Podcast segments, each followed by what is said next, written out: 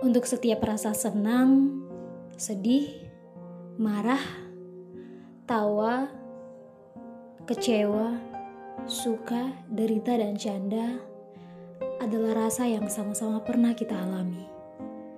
Sekarang, setiap minggunya, Call Me Dom akan mengajak teman-teman untuk mendengarkan dan berbagi cerita tentang penerimaan setiap rasa yang ada dalam kisah kita.